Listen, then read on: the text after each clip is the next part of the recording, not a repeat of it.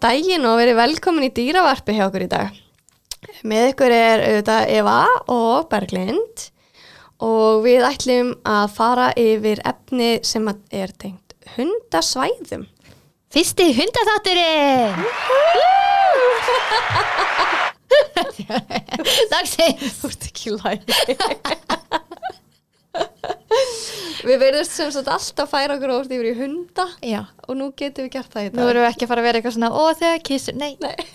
þetta Við erum komin yfir í hvað? Við erum búin að tala um, við erum aðeins búin að tala um hund, en svín og, og hest og kísur Já, og þannig að nú er þetta bara hunda. Hundasvæði sem við erum að fara yfir. já, hundasvæði og hundareglur á hundasvæðum og slíkt Þannig að við verðum bara tvær í dag. Já, engi gestir Ég ætla bara að fá að blara svolítið um hundasvæði og, með svona mína sterkur skoðanir á því eins og mörgu öðru komið ykkur vel fyrir og, og undirbúið ykkur fyrir góðan svepp. Nei, tjók. Herri, Þá er bara þökkum við Efu kærlega fyrir komuna Nei, ég er mjög, ég er mjög spennt. Hérna, það er búið að vera svolítið í umfjöldinni með um hundagerði og hundasvæði og svo leis. Þannig að það verður áhugavert að fara yfir hverju er helstu reglurnar og mikilvægast að hafa í huga og svona. Já, og við erum náttúrulega á Íslandi þótt að við séum ekki með svona stóru flott gerði en svo er oft í útlöndum þá erum við samt náttúrulega á Íslandi við erum svolítið heppin að það er auðvelt að keira bara svona rétt út fyrir bæinn og vera smá í friði og ég er nú farin að gera það meira sérstaklega eftir að hundarnir mínir fóru að þeir hafa ekkit endilega áhuga á að vera á hundasvæðum kringum aðra hunda en við erum samt með nokkur skemmtileg staðfest hundasvæði og þú ert náttúrulega með allar upplýsingar um þau, þau í appinu, er það að gefa? Já, nú kemur smá svona spons hérna en við erum reyndar, við, er sérst einn af eigundunum af, og stopnindunum af Dr. Dýra, snjálfórutinu sem við hefum komið af áður. Og í nýjustu uppfæslinu sem við fyrir nú vonandi fljótlega að fara að gefa út þá er, verðum við með location á öll samþygt hundasvæði á landinu. Þannig að það er auðvilt fyrir ykkur að finna út ef við bara rúndinum minni í bæ og eitthvað langt með hundin þá bara skellið á, opnið forðið og Dr. Dýra og farið inn í Maps og getur fundið bara nákvæmlega location hvert þið vilja fara Ok, getur maður þá að sé bara hvaða hundasvæði næst manni Já. og, og hvernig maður kemst ángað? Já, Ok, ekki. en við, við ákveðum fyrst einblína bara á all samþygt þannig að þú veist, Mm þannig að við, við höfum eitthvað svona viðmið Já, emmitt. ekki bara eitthvað hrein út í bæ Já, ekki. þannig að mjög spenntið því en einnig verður líka, þú veist, við verðum með location á alla dýraspítala uh, gælitraveslanir og bara munum hvað segir maður, þú veist stækka við okkur, bara eins mikið og hægt er. Við ætlum að gera þetta bara eins nákvæmt og eins flott og hægt er. Já, það eru bara flottasta app landsins. vonandi. Ah. en já, hérna talandi um hundasvæði. Uh, Berglind, hvað myndur þið vera eða taljum að vera svona mikilvægast hafa í huga á, á slíkum svæðum? Sko, um, ef við ætlum að fara með hundin okkar á hundasvæði sem er ekki þá hundagerði, þá er númer 1, 2 og 3 að hundurinn sé með gott innkall. Þú sért með góð stjórn á hundinum. Og ég myndi segja að hundurinn þurfa að hlýða innkallið svona í nýja hverjum tíu skiptum sem hann kallar á hann. Þannig að ef að þú ert með hund sem að lætur hans að hann heyri ekki þér þú kallar eða leipur í hína áttina, þá á hann kannski ekki heima á hundasvæði akkurat núna. Þá skaltu fyrst æfa innkallið aðeins betur annar staðar og þú mátt alveg vera með nammi verðluna innkall og svoleiðis á hundasvæðinu ef, ef þið finnst það þurfa. En það er líka mikilvægt að vera kannski ekki með mest spennandi nammi í heiminum. Þú farið alla hundana með bara til þín. Já, þú vilt vera með eitthvað nammi sem ángar ekki alveg eins og bara livrapilsa eða, eða nýbökuð livur eða þannig, vera með eitthvað svona þurft og aðeins meira boring en nógu gott kannski til að hundur en hérna fá einhver verðlun En ef þú ætlar að gera það, passa það allan þú sért með eitthvað sem tekur það upp og ég væri alveg til að sjá skemmtilegt vídeo á hundasvæði einstaklega tæklaði niður af því að hann með svo kyrnulegt nammi. Já, það hefur alveg gert sko. En fyrir ekki, halda frá En já, og ef að hundurinn líður ekki engalli og vilt endilega fara á hundasæði, verðt allan að menn í langri línu en þá þarftu samt að passa þig ef þú ert með hund sem er mikið að leika að vera að það getur náttúrulega, þá getur línan flext um, og aðeins meira kannski um nammi er ástæði fyrir því að við viljum ekki að hundarnir séu svona hópast að okkur þegar við erum með mjög gott nami er að þá koma náttúrulega margir hundar saman á lítið svæði í kringum mat og sögumir hundar verja mat, verja nammi. Og þá eru svona, geta fara að glafsa frá sér og, og það geta brotist út slagsmál sem við viljum náttúrulega alls ekki. En eitt sem ég ætlaði að með að koma inn, þú segir hundasvæði og hundagerði. Já, Uh, er það bara munurinn er að hundasvæði er opið og hundagerði er gyrt eða? Já, eða þannig, þannig tala ég um það allavega. Hundagerðin, það eru nokkur svona lítil hundagerði á Íslandi sem eru í rauninni bara svona smá frímerki. Mér finnst þetta í rauninni bara að vera smá hundasvæði. Já. Þetta er ekkert það sem að hundur, allavega ekki starri hundur getur farið og reyft sig eitthvað sérstaklega vel, en Nei, þau eru alveg fínt í sínsbrúks. Ég En myndi sniðt bara að, að, að, við, með, í appinu þá erum við bara með öll helstu hundasvæðin en þar á meðal er einn inni litlu gerðin. já, Þannig að bara gott að vita einmitt munin. Uh, en þ- það er sagt ekki bannað að vera með nammi á slíkum svæðum. nei. Ég myndi segja betri spurning væri kannski bara af hverju eru svona mikið hundum að koma hlaupandi aðallum sem eru með nammi. Veist, vandamálið er ekki endilega manneskjan með nammið, heldur er vandamálið hundar sem er ekki að hlýða einkalli eða eigendur sem er ekki að fylgjast með hundunum sínum. Af hverju er allt í einu hundurinn að komin alveg við mig að skoða nammið sem ég er að bjóða hundunum mínum og eigandin er kannski í símanum eða gleyma sér í spjall eða eitthvað svo les. Þannig að nammið er í rauninni ekki vandamál ef að það er eitthvað svona ómerkilegt nammi en það er samt alveg gott að vera með svona ákveðna reglur kringum nammi svo ekki gefa annara manna hundum nammi og ekki gefa kannski nammi þegar ókunnur hundur alveg beint við hliðinar og þú veist ekkert hvort það verði eitthvað vandamál. En að vera með nammi á sér og verðluna sinn hund þegar þinn, veist, þegar þinn eigin hundur er bara hjá þér og aðri hundar er ekki nálægt það er ekkert að því. Hvað ef hinn eigandin er bara, þetta er alltaf lægi, hundurinn minn má fá nammi. þá, þá myndi ég segja að vera allt í lagi og þú veist, ef að, ef að hvorur hundurinn hefur tendensa um að fara að slást í námi, þá er það auðvitað allt í lagi og þá, það er bara þetta samtalið mitt sem að þarf að eiga sér stað. En maður er ekkert alltaf að eiga þessa samræður? Ég er nefnilega, ef ég verið á hundasvæði með mínar tvær, þá hérna, er mjög algengt, finnst mér, að fólk gefi minni hundinu mínum nammi þegar hún kemur þeirra. Því hann er svo mikið sníktir og hún er mjög fær í það að fá fólk til að gefa sér. Já, og svo líka maður veit aldrei, hundar geta verið með mjög slæmt ofnæmi fyrir einhverju mat og eða þau geta verið í mægrun bara Ég kannum þetta að meta að fólk spyrir mér svona, já, má hún fá nammi? Já, þá get ég alveg, já, ekkert mál. Já. En ef fólk bara gerir það á sér átt, þá finnst mér svolítið svona pínu slæmt að því að hún gæti verið með ánami. Já, Og bara eitt nammi getur rugglað upp ánamisfórunu. Algjörlega, nákvæmlega og svo kannski hundurinn í saka ánæmismeðlun Já. hjá dýralæknir rándýrt og allt Alveg bara- óskes. Rándýrt ánamisfóður og allt saman og þannig en En svo er annað svona tengt þessu að meiri líkur á hundar sélandi í slag þegar allir hópast saman í áttanamminu að það er það sama að þegar fólk stendur svona bara alveg kjört á hundasvæði og maður sér ofta hundar hópast svona að þeirri mannesku og hún er mjög oft með nami að það, þar sem hundar hópast saman og það er ekkert að gerast annað en að þeir eru kannski bara að leita sér eftir nami eða slíkt, þá eru miklu meiri líkur á að verði vesinn. Þannig að við viljum halda okkur á reyfingu, viljum helst bara vera svona árólegur öllu allan tímanum með að vera með hundasvæðinu. Þannig að við viljum ekki að gleyma okkur að bara standa á bladri eða, eða vera í símanum eða sitja á einhverjum bekk og það er allt að, fínt að bara spjalla á reyfingu og hafa smá flæði. Þetta heldur svona orkunni miklu heilbriðari á hundasvæðinu, finnst mér. Þannig að það er ekki eðlilegt að taka allt inn á sprettinn og reyna að leika við hundi sinn. Jú, má það líka alveg. Ok, því ég geri það. jú, jú, en það er alveg að vera ekki svona grafkjör. Ok, Að hérna það, og sérstaklega þegar fullt af eigundum, ég sé þetta ofta á girsnefi, að standa einhvern veginn allir bara í hóp og hundarnir eru bara svolítið svona, "Uh, ok, hvað er að gera? Þannig að þá, þetta hjálpar, eins og ég segja, öllu flæðinu, svona leikflæðinu, þegar fólk heldur sér að er reyfingu. þetta ekki bara svo að henda barninu sín í sangasan? Það er bara að gera svo vel fara að leika. nákvæmlega, nákvæmlega. Og svo líka, þegar við erum með hunda sem eru að leika og eru að skemmta sér og hafa gaman, þá viljum við samt líka vera svolítið að fylgjast með og hafa ákveðna reglur. Og við erum kannski með hópa hundum sem er að leika, þetta er jafnvel oft hundar sem að þekkjast ekki og við þekkjum ekki hundana og vitum ekki hvernig þeirra leikur er og þeirra samskipti við hunda eru að þá finnst mér einn svona, einn svona leikur eins og ég líti á það, rosa skemmtilegur. Að þá eru við í rauninni svona svona leikmælir, svona, svona playometer þar sem að mælirinn sem að við erum hann tæmist á fimm minútna fresti. Þannig að til að hundurinn fá að leika og mæ- leikmælirinn sé fullur þá þarf hundurinn alltaf að koma reglulega og tjekka sinn og fylla mælinn og þá fær hann að halda áfram að leika. Já, þetta meina að hann þarf að koma alltaf aftur til Já. eigandans Já, þannig og að getur svo farið Já, að þú velunar hundin bara fyrir að koma, getur annarkvært gefa hann nammi eða þú getur bara gefa hann leifi að halda áfram að leika, þá er það velunin.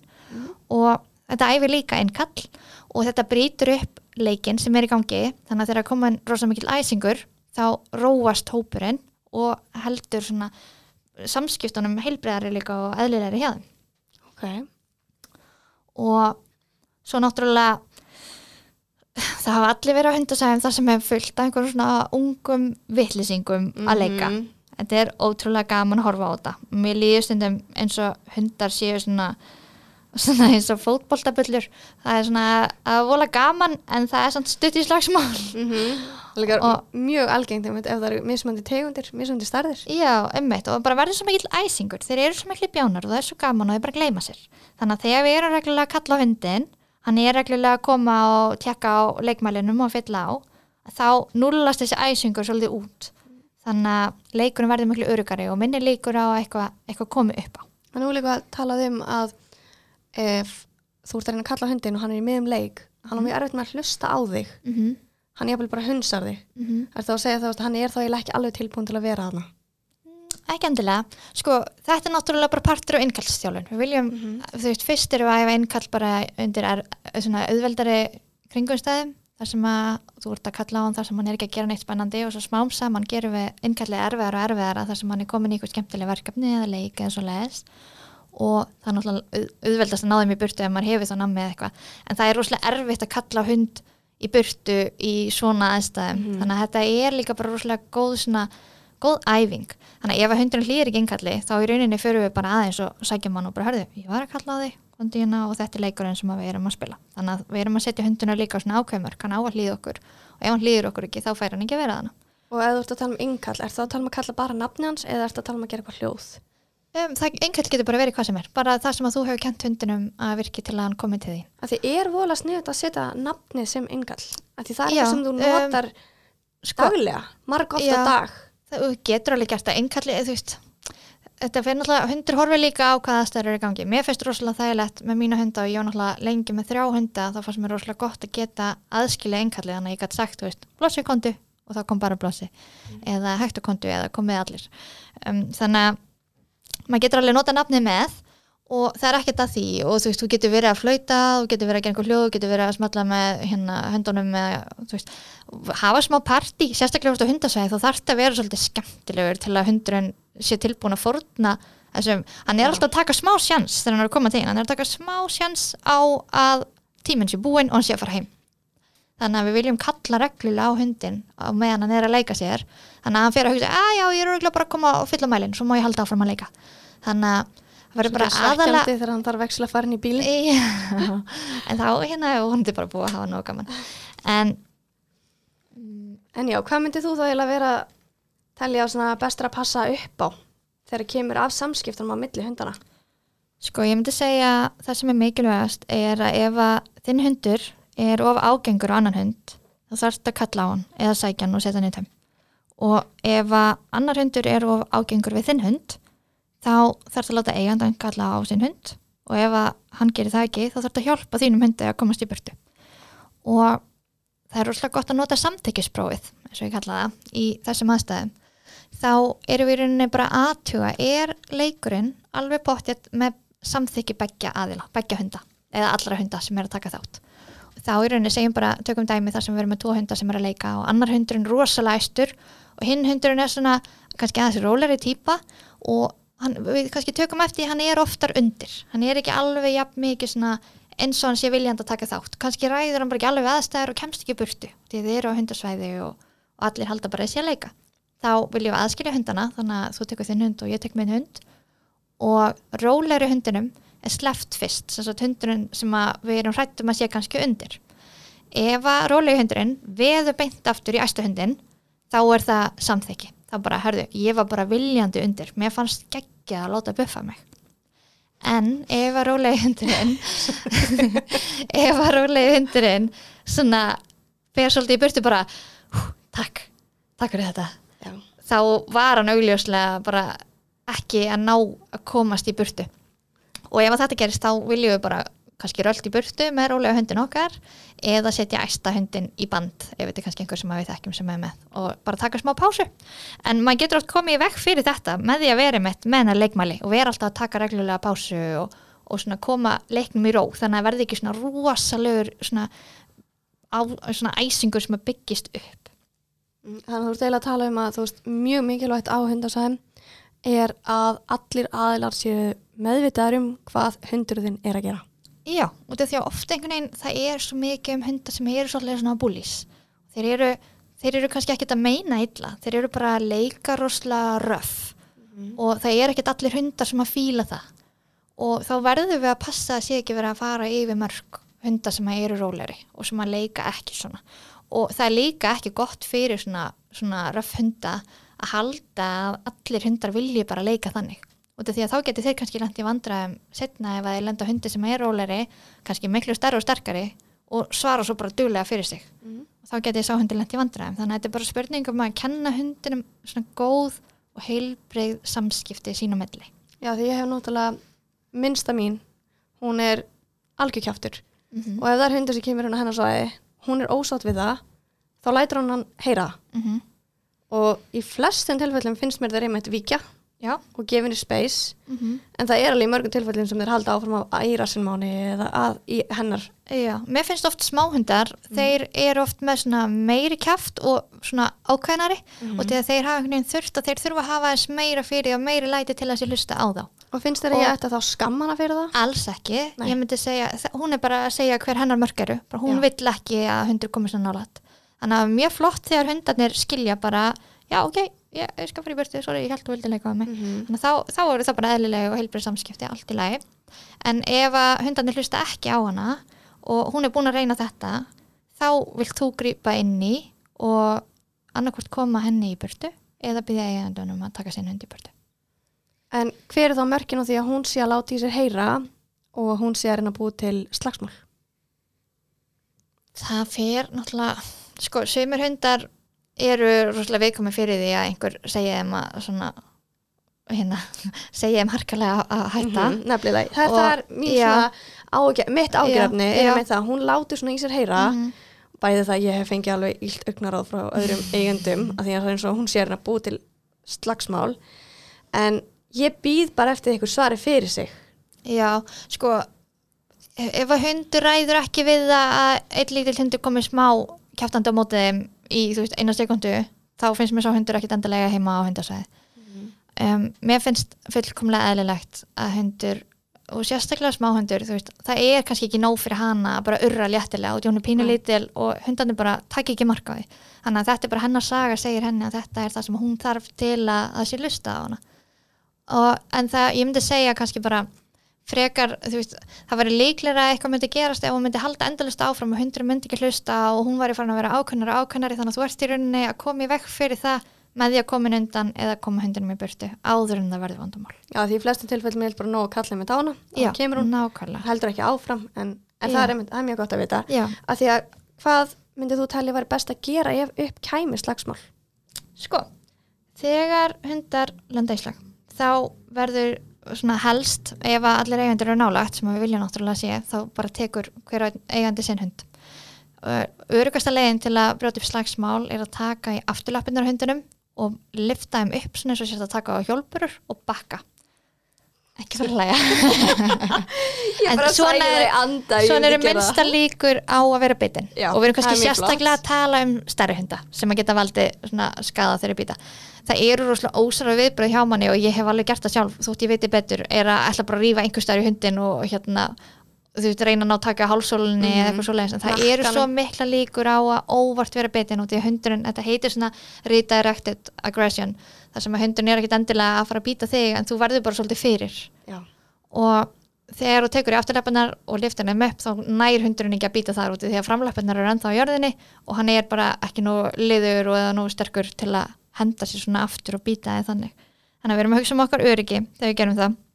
Það er rosalega sniðið líka að, að æfa sig að gera þetta á hundinu sínum þegar hann er bara heima að chilla. Og bara æfa sig að ná sér greipi og kenna hundinum að þetta er allt í læg þegar það er ekki að bræða þótt í rífið svona upp Það er smá hjólburuleik. Já.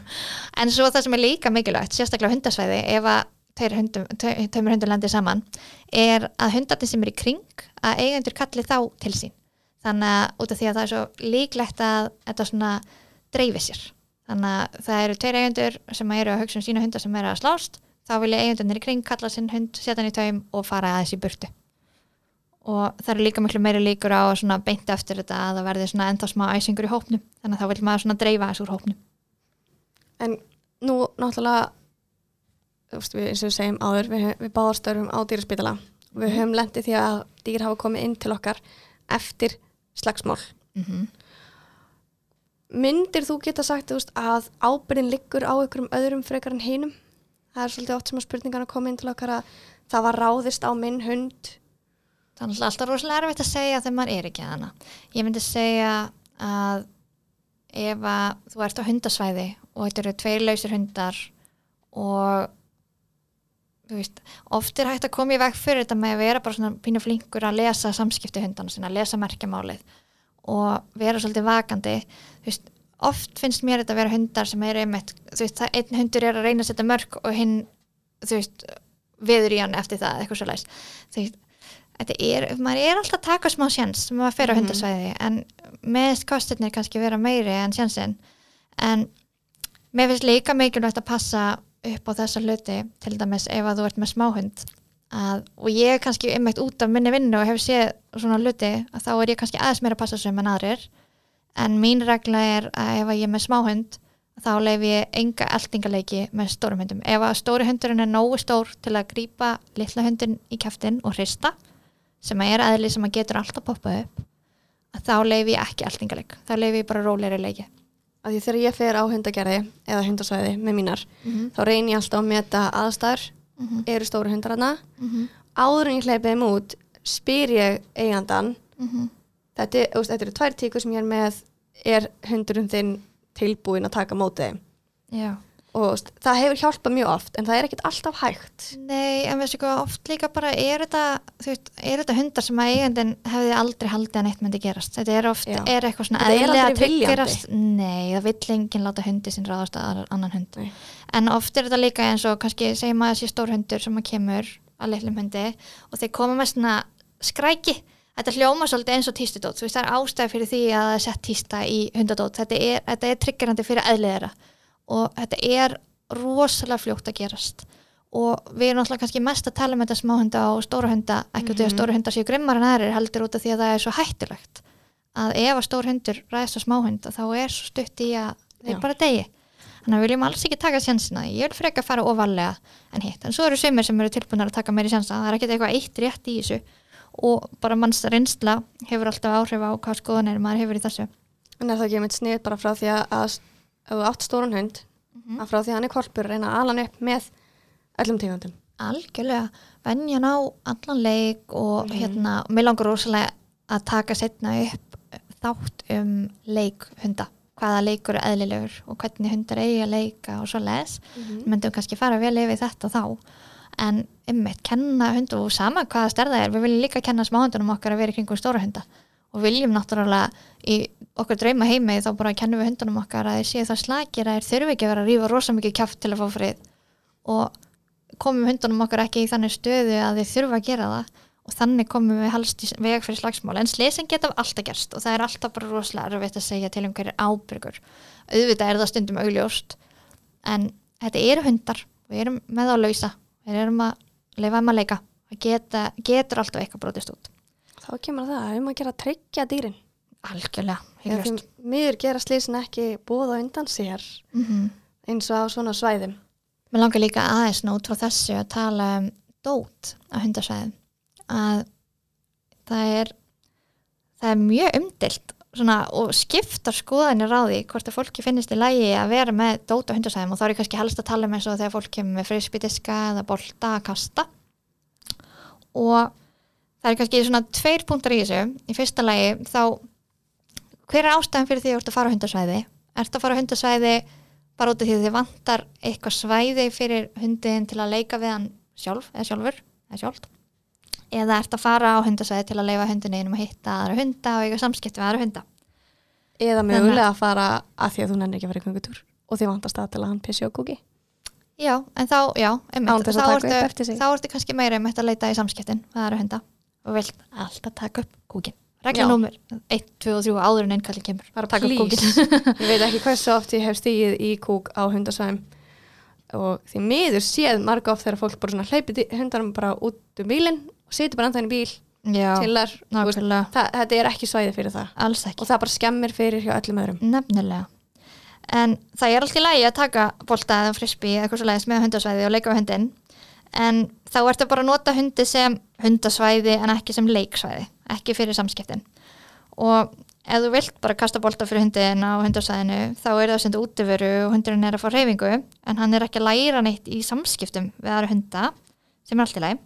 Um, þú getur verið með hund sem að fyrir á hundasæði okkur um einasta degi og leikið sér í kringum aðra hunda bara í frisbee og, en hann hunsar er alltaf hundana og hann getur verið alveg glatar í hundasamskiptum en hann hlýðir þér í þínum boltaleik og þú veist þetta er svolítið eins og að fara í partí en hangi Candy Crush allan tíman þú veist þú ert ekki að fá þú veist þú ert ekki að fá það út úr hundasæðinu sem hann geti en það er líka, semur hafa bara ekki garðið eða aðra aðstöðu eða langt fyrir að keira að fara í burtu á opið svæði sem eru örugt þannig að það er allt í lægi að nota svæði þannig.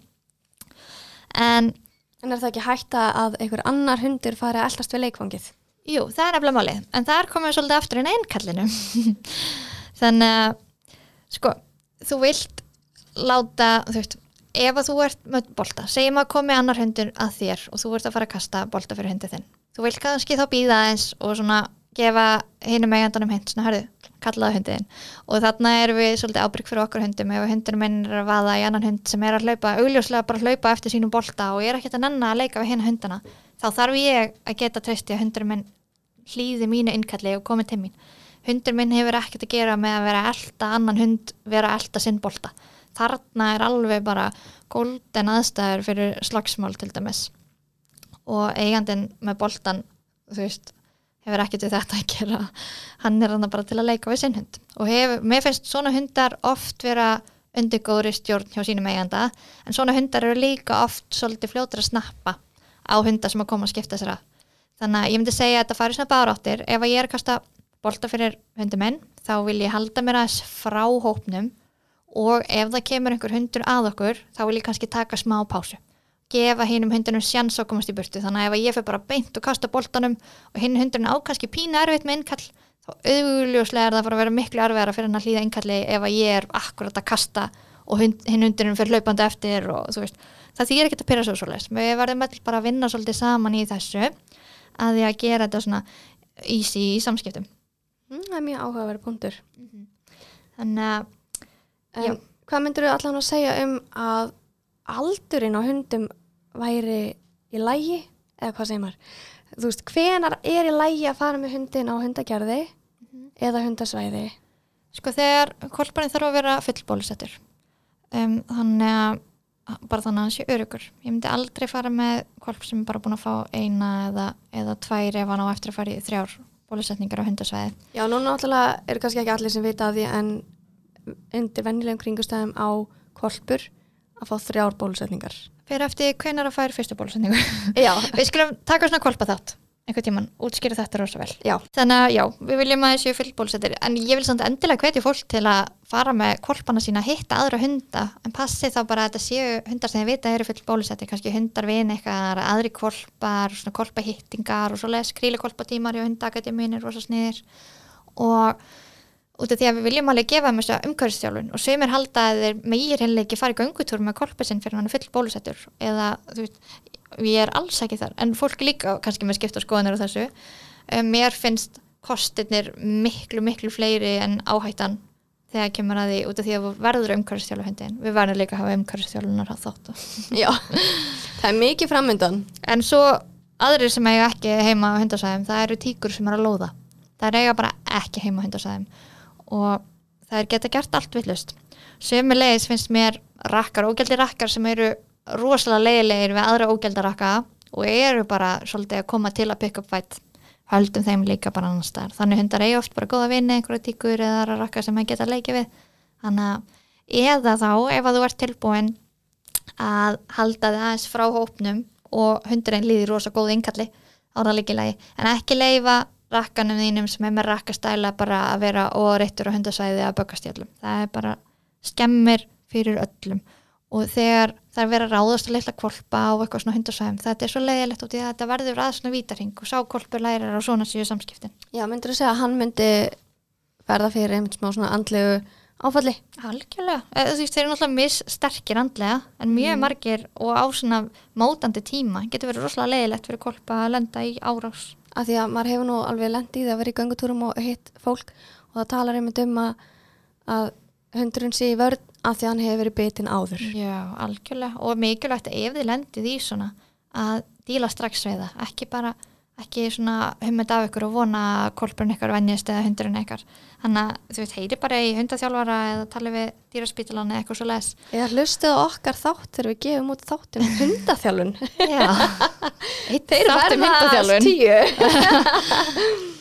Nei, það er mjög mikilvægt að Já, og svo líka langum að koma að með hundar sem er kannski ekki heima á hundasæðum er að sumir hundar bara fíla ekki að vera hundasæðum þannig að við skulum ekki pína típuna sem að er bara svolítið lóner og hefur ekkit gaman að þessu, við skulum ekki pína hann til að vera alltaf að fara bara á gersnifi eða eitthvað þar sem að er lítið svæði og, og fullt af hundum leiðum þeim hundi frekar að fara svona kannski eða vilt fara á hundasæði, fara allan að frekar ringin í kringum hann að fara til Ísadal og það er það sem eru meira reyfingu og, og meira næði auðveldar að koma sér í burtu Það myndur þú telja líka að vera mikilvægt að ormar hinsa þá reglulega ef þeir eru duglegar að mæta á hundasvæði.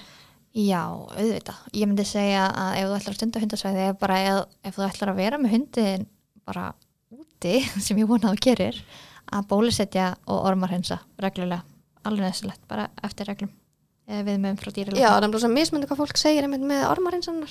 Já, ég ætla ekki að fara út í Nei, þann nefnilega ekki, við erum, ekki að aðhæfa neitt sko. hversu mikið á að gera En heldur bara- reglunar, já, Reykjavíkaborg eru ormarhensa einu snári Já. sem við vilja meina að það sjó mikið, sem við vilja meina að það sjó lítið. Það er bara, verða allir bara að ræða það við sem dýralækni. En allar þessar upplýsingar verða aðgengilegar á Dr. Dýri appinu. Ha, þannig að við viljum að auðvelda fólki að þess að koma að staða þessum fróðleik. Uh, nú var ég En- samt að spyrja þig, finnst þér eitthvað hundagerði betra en annað af þinni persónlegu reynslu? Sko, um, ég myndi alltaf segja þetta fyrir svolítið eftir því hvernig þú ert að nota ef þú ert að tala um gerði, þá held ég að þau séu öll svipað lítil þau eru í rauninni alltaf lítil finnst mér, ég vil alltaf hafa þau risa stór en mér finnst þau allt í lagi sem smá hundagerði, ef það eru litlir hundar sem eru bara kannski að koma og leika kannski hundar sem að þekkjast eða eitthvað svo les um, rosalega mikilvægt að taka upp kúkin á svona litlum svæðum þannig að þau verða bara ógæslega strax. Og líka kannski fara yfir ef þið eru að nota gerðin þessi af, afgiftu gerði þá eru líka svona aðeins fleiri reglur sem að maður þarf að vera meðvitaður um út af því að þau eru svona lítil og, og afmörkuð að það er til dæmis að fara rætt inn í þau ekki vera að slóra með hliðið opið þannig að hundar getur sloppið út.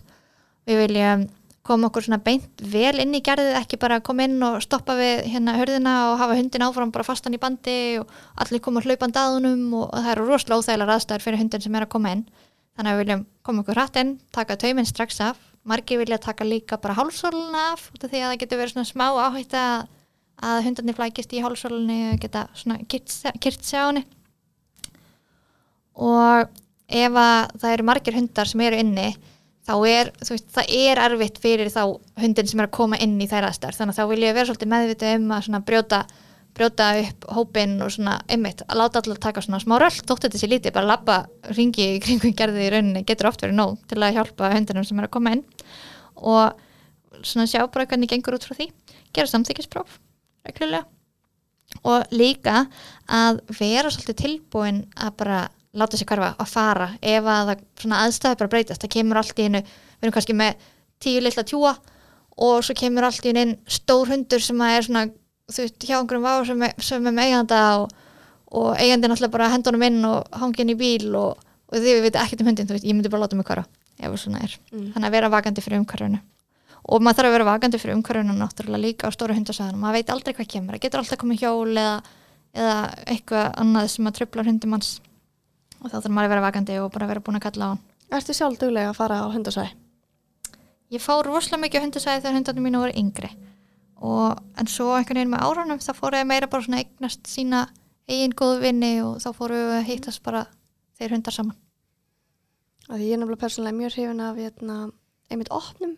Sem eru Ég fór til dæmis alltaf- á völlunum mm. það er bara í hrauninu Já. og það er með þess að segja, það er ekki mikið um, um hérna bí, það, er, er engin bíl, það er engin hjólandi það er engin, veist, bara frá, frábært svæði fyrir það hlaupum Já, ég fór alltaf langmest uh, annar ringin við Paradísadal og ég fór Já, mikið líka á Geldinganes Já. Ég er nefnilega ekki prófað eða þórað að fara þangað Hvert? á Gjaldinganes. Það því að tala um gerstnef þá Gæti verið í sér tala um kistni. Geldinganef er miklu stærra og hérna svona það er þannig að við Þarna svæði, Grafarvog. já, ég er að tala um svæði sem að er uh, mjög algengt að þarna Já, litla eig, eigan, ekki beint eiga, sem að er þarna það sem að hlýðin á eina hverfinu. Já, Já, miðsvæðis, einmitt. Já, það er náttúrulega mest sóta hundasvæði Já, nefnilega. það er alveg um, það er alveg fínt en mér finnst svolítið leðilegt við það er að fólk er svolítið að stunda það að koma þangað, henda hundinum út og hangin í bíl eða bara standa. Finnst þurfa frekar að fólk fari út og röldi hring með hundinum ef að þú vilt, þú veist, ég menn ég skil alveg að fólk er veikt eða þú veist, lélegt í kroppnum eða eitthvað svo að þú getur ekki farið með en þá er kannski hundasæði bara ekki staðarum fyrir þið Nei, líka ekki, ekki þetta. Nei, já, Þetta er svona umtalaðasta svæðið, myndi, Já. myndi ég að segja. En það er alltaf verið að reyna svona að bæta, bæta gestnefi sko, en svo einu sinni var alltaf hægt að keira ringin í kringum það. Mm. Já, Ég held að sé alveg örgulega búið að Já, ég fyrir það að núna. Það var verið að keira á hunda og svona. en En- það eru náttúrulega hlaupum og flegi ferðan út um allt. Já, en þetta er náttúrulega voða skemmtilegt svæði og þeirra gengur vel og fullt af fólki fer bara þannig á hverjum einsta degi og það er alveg sér svona bara samfélaga fólki sem að fer gestnef. Ég held Það að er sé bara hræðislan við, þú veist, það er ekki langt síðan ég var að lesa ykkur grein út af einhverjum slagsmálum sem átti sér stað sem að var til þess að eigandunir eru bara frekar reyðir út í hvern annan. Já. Þú veist, ég er bara svona, mér finnst það svo fráhrindandi að ég fer bara með mínar skvísir bara En út í hraun. Það er bara með hundafólk eins og allt annað fólk að það eru leðilegir einstaklingar. þar Þetta eru eins og. Annars staðar sko. Við fyrir ekki út í það heldur. flestir hundaægendur eru besta fólki heims, sko. En ég var að taka kannski smá samantækt svona í lokin árunum við hættum? Já, bara skelltur í það. Já, gott einkall Treysta einnkalli hjá hundunum sínum. Við ætlum að passa að leikur með allra samþekki Þannig að við ætlum að passa sérstaklega vel upp á svona búlja. Um, Það ætla allir að fylgjast með sínum hundum. Ekki gleyma sér í spjalli eða að að verka að fylgjast með sínum einu hundi. Halda sér á reyfingu ef að hundurinn okkar er ágengur við annan hund þá ætlum við að kalla á hann í burtu. Og ef einhver annar hundur er ágengur við okkar hund þá ætlum við að koma hundunum okkar í burtu hvort sem að sé að fara sjálfur í burtu eða byggja eigendunum að koma hann í burtu. Um, Já, við ætlum ekki að aga annara manna hunda. Meist, ég vil kannski koma að því að líka.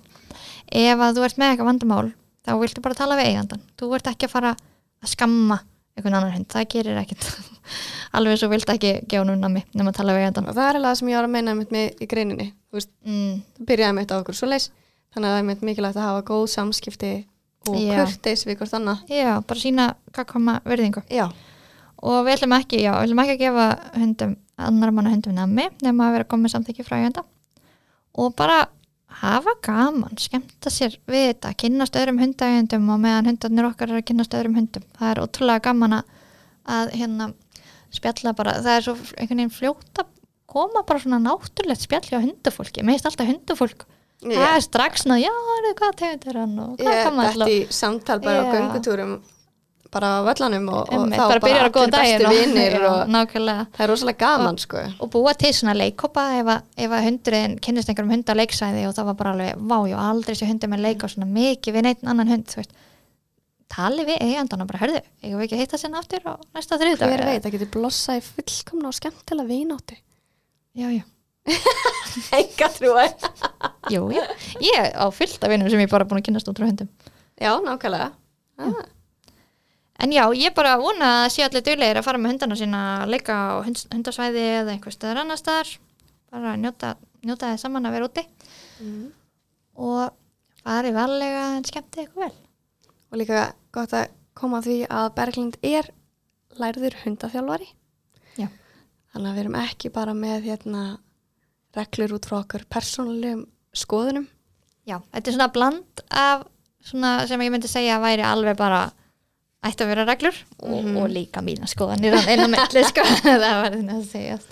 En fólk verður náttúrulega bara að mynda sér sína, er, sínar eigin skoðanir og, en fólk verður líka bara, einmitt eins og ég segi verður það svolítið skoðanir annara ekki verður að taka óþráð sjansa og svo les ekki gefa þér að allir aðri sem er sömu skoðan og þú. Þannig að eiga samtala ef þetta er eitthvað svona effi en annars er þetta svona nokkuð basic, myndi ég segja. Já, ég myndi segja að þetta væri bara mjög, mjög flott og gott að vita.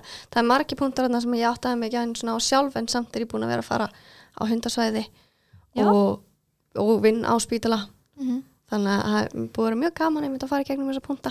Já, Við frábært erum með aðeins stýttir þátt í dag í svona stýttir kantinum allavega. Mm Mhm. aðalega bara því að einmitt, ok, þetta var svolítið svona ákveðið viðfóðsefni sem okkur langaði svolítið að taka.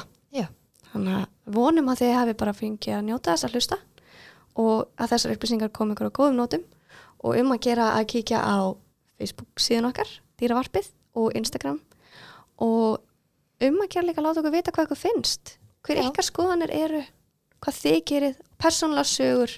og ef það er einhverjur ákveðni þættir sem að þið myndi vilja heyra, eitthvað sem þið vilja láta tala um eða ef þið vilja koma í vitali jafnvel Mm, Já. um að gera. og líka ef þið myndi vilja subscribe okkur á þeim hlaðvarpsveitum sem að þið notið til að hlusta. Þá væri það æði, þá sjáum við aðeins betur hverjir eru svona að fylgjast með okkur. Já, þannig að þá bara þökkum við kjallaði fyrir okkur í dag. Já, takk í dag, sjáumst næsta þriðdag heyrumst. Já.